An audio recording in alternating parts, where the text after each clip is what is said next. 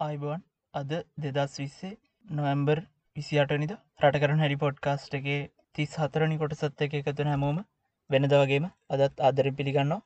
ඒවාගේම තමයි පොඩ්කාස්ට් එකේ තිස්තුමනි කොටසත් එක එකතුරු අපිත් එක අදහස් බෙදාගත් හැමෝටම ගොඩක් සූතියි කියල කියන්න ඕනේ. අද පොඩ්කාස්ට් එකෙන් අපි කතා කරන්න බලාපොරොත්තු වෙන්නේ විද්‍යුත් මාධ්‍ය වාරණය කරන්න රජයෙන් ගෙනල්ල තියෙන යළුත් යෝජනාව ගැන සහ එස්සෙල්ලොක් කියන ඒ වැඩ සටහන ගැන.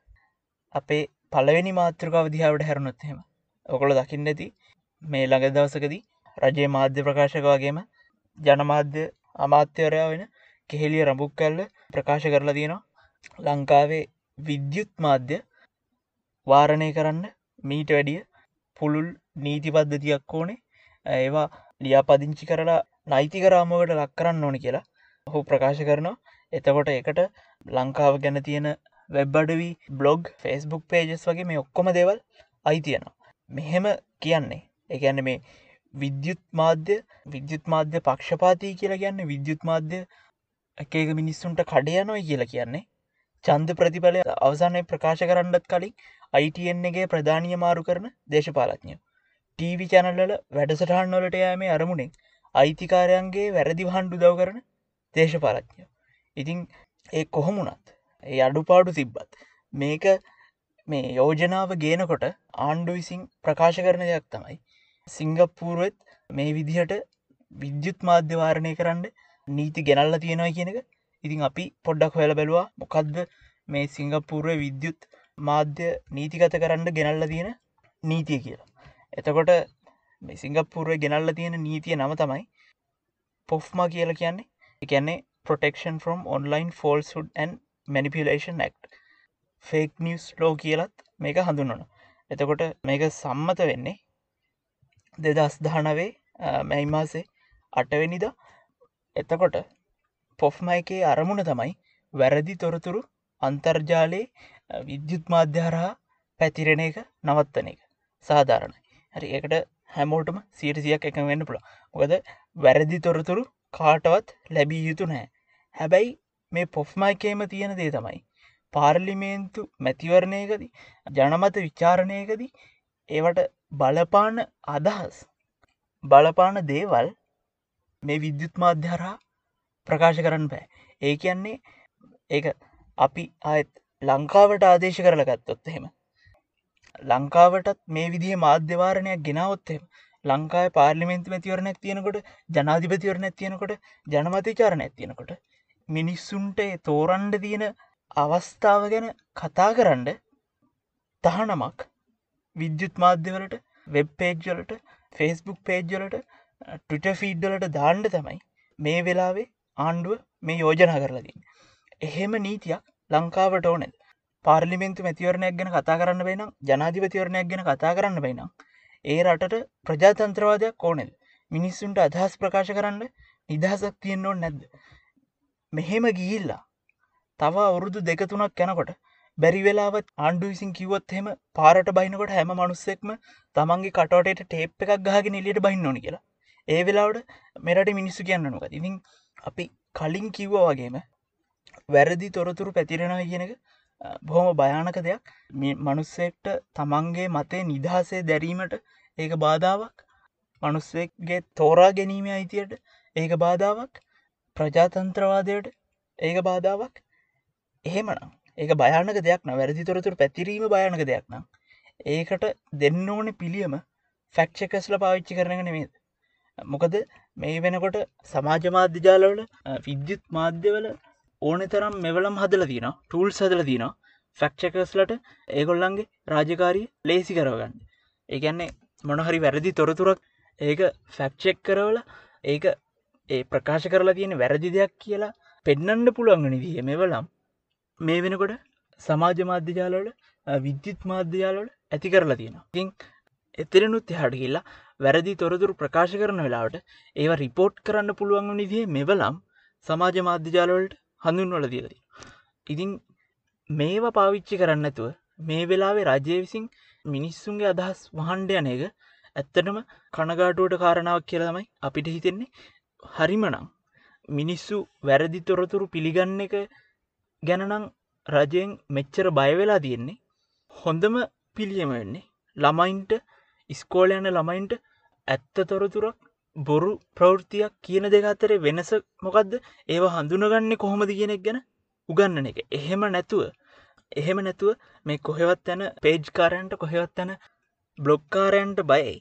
මුළු ලංකාවෙමින්න හැම මනුස්්‍යයාගම අදහස් ප්‍රකාශ කිරීමේ නිදහසට වාරණ දානක අපි හිතන්න හැ සාධාරණයි කියලා. මොකද මේ රටේ ප්‍රසිද්ධමාධ්‍ය වගකිවයුතු ටීවී චැනල් රාජ්‍යමාධ්‍ය පත්තර වගේ දේවල් තමන්ට වුවමනා විදිහට තමන්ගේ අදහස් ප්‍රකාශ කරනකොට තමන්ගේ අයිතිකාරයට උමනා නිතියට තමන්ගේ අදහස් ප්‍රකාශ කරනකොට මේ සාමාන්‍ය මනුස්සයට විතරක් අසාධාරණ විදියට වාරණ දානක එච්චර ගැලපෙන් නැහැ කියල තමයි අපිට කියන්න දන්නේ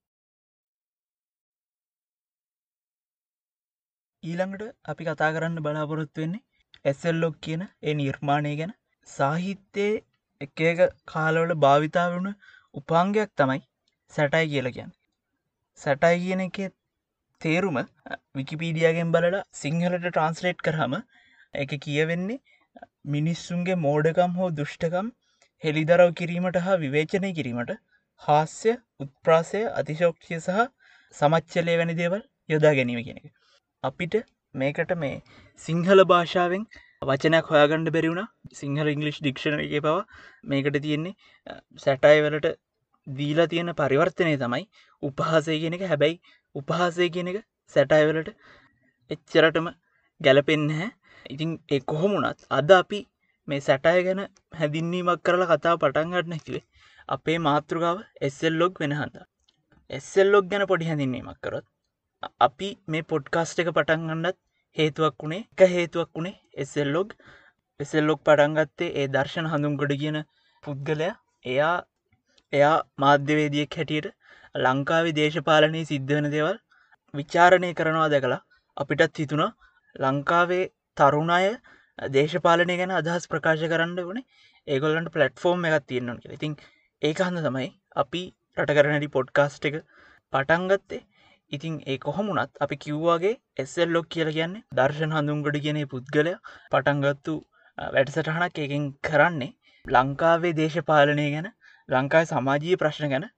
ඒගොල්ලන්ට හිතන විදිහට අදහසක් ප්‍රකාශ කරන එක. ඉතින් මේ දවස්වල එස්සල්ලොක් බලන කට්ටිය දකින ඇති එයාලගේ අලුත් අප්ලෝට්ටල පොඩි වෙනස්කමක් තියෙනවා. ඒගැන්නේ එයාලට විරුද්ධ වෙන මතයක් තියෙනවනම් ඒ මතය තමන්ගේ මතය කියලා පෙන්වමින් ඒක නිකං අර ජෝක එකට ලක් කරන එක තමයි. මේ දවස්සල එස්සල්ලොග්ගේ වීඩියෝස් බලනකොට ඒ බලන කට්ටියට පේන්නේ. උදාහරණයක් හැටියට දැන් අපි කලින් කතා කරා රජයෙන් මාධ්‍ය මර්ධනය කරන්න මේ ගේනල්ලා තියෙන යෝජනාව ගැන. එතකොට මේක ගැන දාපු අප්ලෝඩ් එකේදී එස්සල්ලොග්ගේ දර්ශන හඳුන්ගොඩ මේ යෝජනාවේ හොඳ පැත්ත ගැන කතා කරන එක ඒක හොඳයි කියලගෙන එක වර්ණනා කරනවා. හැබැයි මේ යෝජනාව ඇත්තටම සම්මත වනොත් එහෙම නීතියක් බාට පත්වනොත් එහෙම ඒකෙන් පාඩු සිද්ධ වෙන එක කට්ටියක් තමයි ඔයස්සෙල්ලොක් කියල කියන්නේ. ඉතිං ඒ මත්තයට විරුද්ධ වනත් ඒ මාධ්‍ය වාරණය කියන එක විහිලුවකට අරගෙන ඒක සමච්චලයට ලක් කරන එක තමයි ඒගොල්ලො මේ දස්සල කරන්නේ. සාමාන්‍යෙන් සැටයි කියල කියන්නෙත් ඒකට තම එකැනෙ තමන් විශ්වාස නොකරන මතයක් තමන්ගේ මතය කියලා පෙන්නන ගමන් ඒක තියෙන දුර්ුවලකම් එක තියෙන අඩුපාඩු පෙන්නන එක තමයි සැටයි කියන එක අරමුණ. හරිට නිකං මේක පල නොකිය පලා බෙදෙනවාගට අපි මේක ගැන පොඩ්ඩක් හොලබෙල්හම දැක්ක මේක මේ සැටයි කියන එක ලෝක පාවිච්චයෙන්නේ ඊජිප්තු ශිෂ්ඨාචාරිඳල මේක වර්තමානයේ ජනප්‍රියම තැනක පාවිච්චි වෙන්නේ එක්සත් රාජධානයේ ස්පිටිං ඉමේජ් කියන ටීවිශෝ එක සහ ඊටත් වැඩිය ජනප්‍රියවුණු දෙදා සටවගේ කාලේ විකාශනය වුණු ස්ටීවන් කොල්බයාගේ කොල්බය රිපෝට් එක.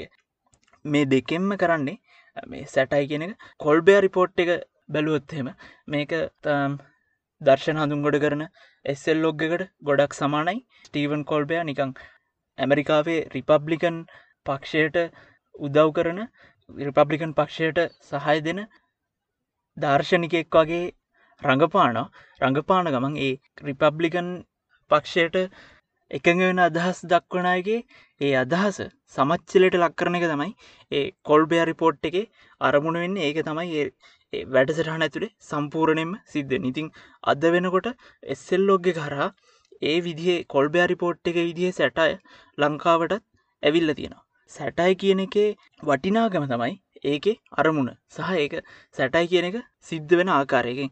සැටයි කියන එක අරමුණ වෙන්නේ යම් කිසි අදහසක් දර්ශනයක් වගේ දෙයක් විහිළුවට ලක් කරලා ජෝක්්‍යකට අරගෙන ඒක විශ්වාස කරන අයව ඒ අදහස් විශ්වාස කරන අයව ඒ මත්තෙන් වෙනත් පැත්තකට යන්ඩ පොළඹෝන එක. ඉතිං ඒ කන්ද තමයි අපි හිතන්න මේ සැටයි කියන එක ගොඩක් වටින මෙවලමක් කියලා ඉතිං මේ වැඩසටහන අහනාගෙනුත් අපි ඉල්ලනවා එසෙල්ලොක් වැඩසටහන් බලල නැත්තම් අපි පොඩ්කාස්ට් එක ඩිස්ක්‍රපෂන් එක එසෙල්ලොග් ලගේ YouTube චැනල් එකට පොඩි ලිංක එකත් දාන්නම්. ඒ ලිංක එකට ගිල්ල බලන්ඩ මොකක්ද මේ කල්ලෝ කරන්න කියලා. එතකොට සැටයි කියන්න මොකක්ද කියලත් තේරෙයි. මොකද අපි කිව්වාගේම මෙතෙන්දි සෙල්ලොග්ග එක ඇතුළේ හාස්සෙන් එහාට ගිහිල්ලා ජෝක එකෙන් එහාට ගිහිල්ලා සමාජයේ දෙපැත්තක් ප්‍රශ්නයක් දකින විදිහ ගැන මේ වැඩසටහන ඇතුළේ මේ එස්සෙල් ලොග් එක ඇතුළේ පෙන්නල දෙෙනවා බලන මිනිස්සුන්ට තේරුම් කරලා දෙෙන ඉතින් අපි හිතනවා ඒක ඇත්තරම අද කාලයට ගොඩක් වටින් දෙයක් කියලා. ඉතින් ඒකත් එක්ක අදට අපි අපි පොඩ්කාස්ට් එක මේ විදිහට අවසන් කරන අදත් පොඩ්කාස්ට් එකත් එක්ක එකතුනාට හැමෝටම ගොඩක් සූති නැවත හමුවනක අයිබවා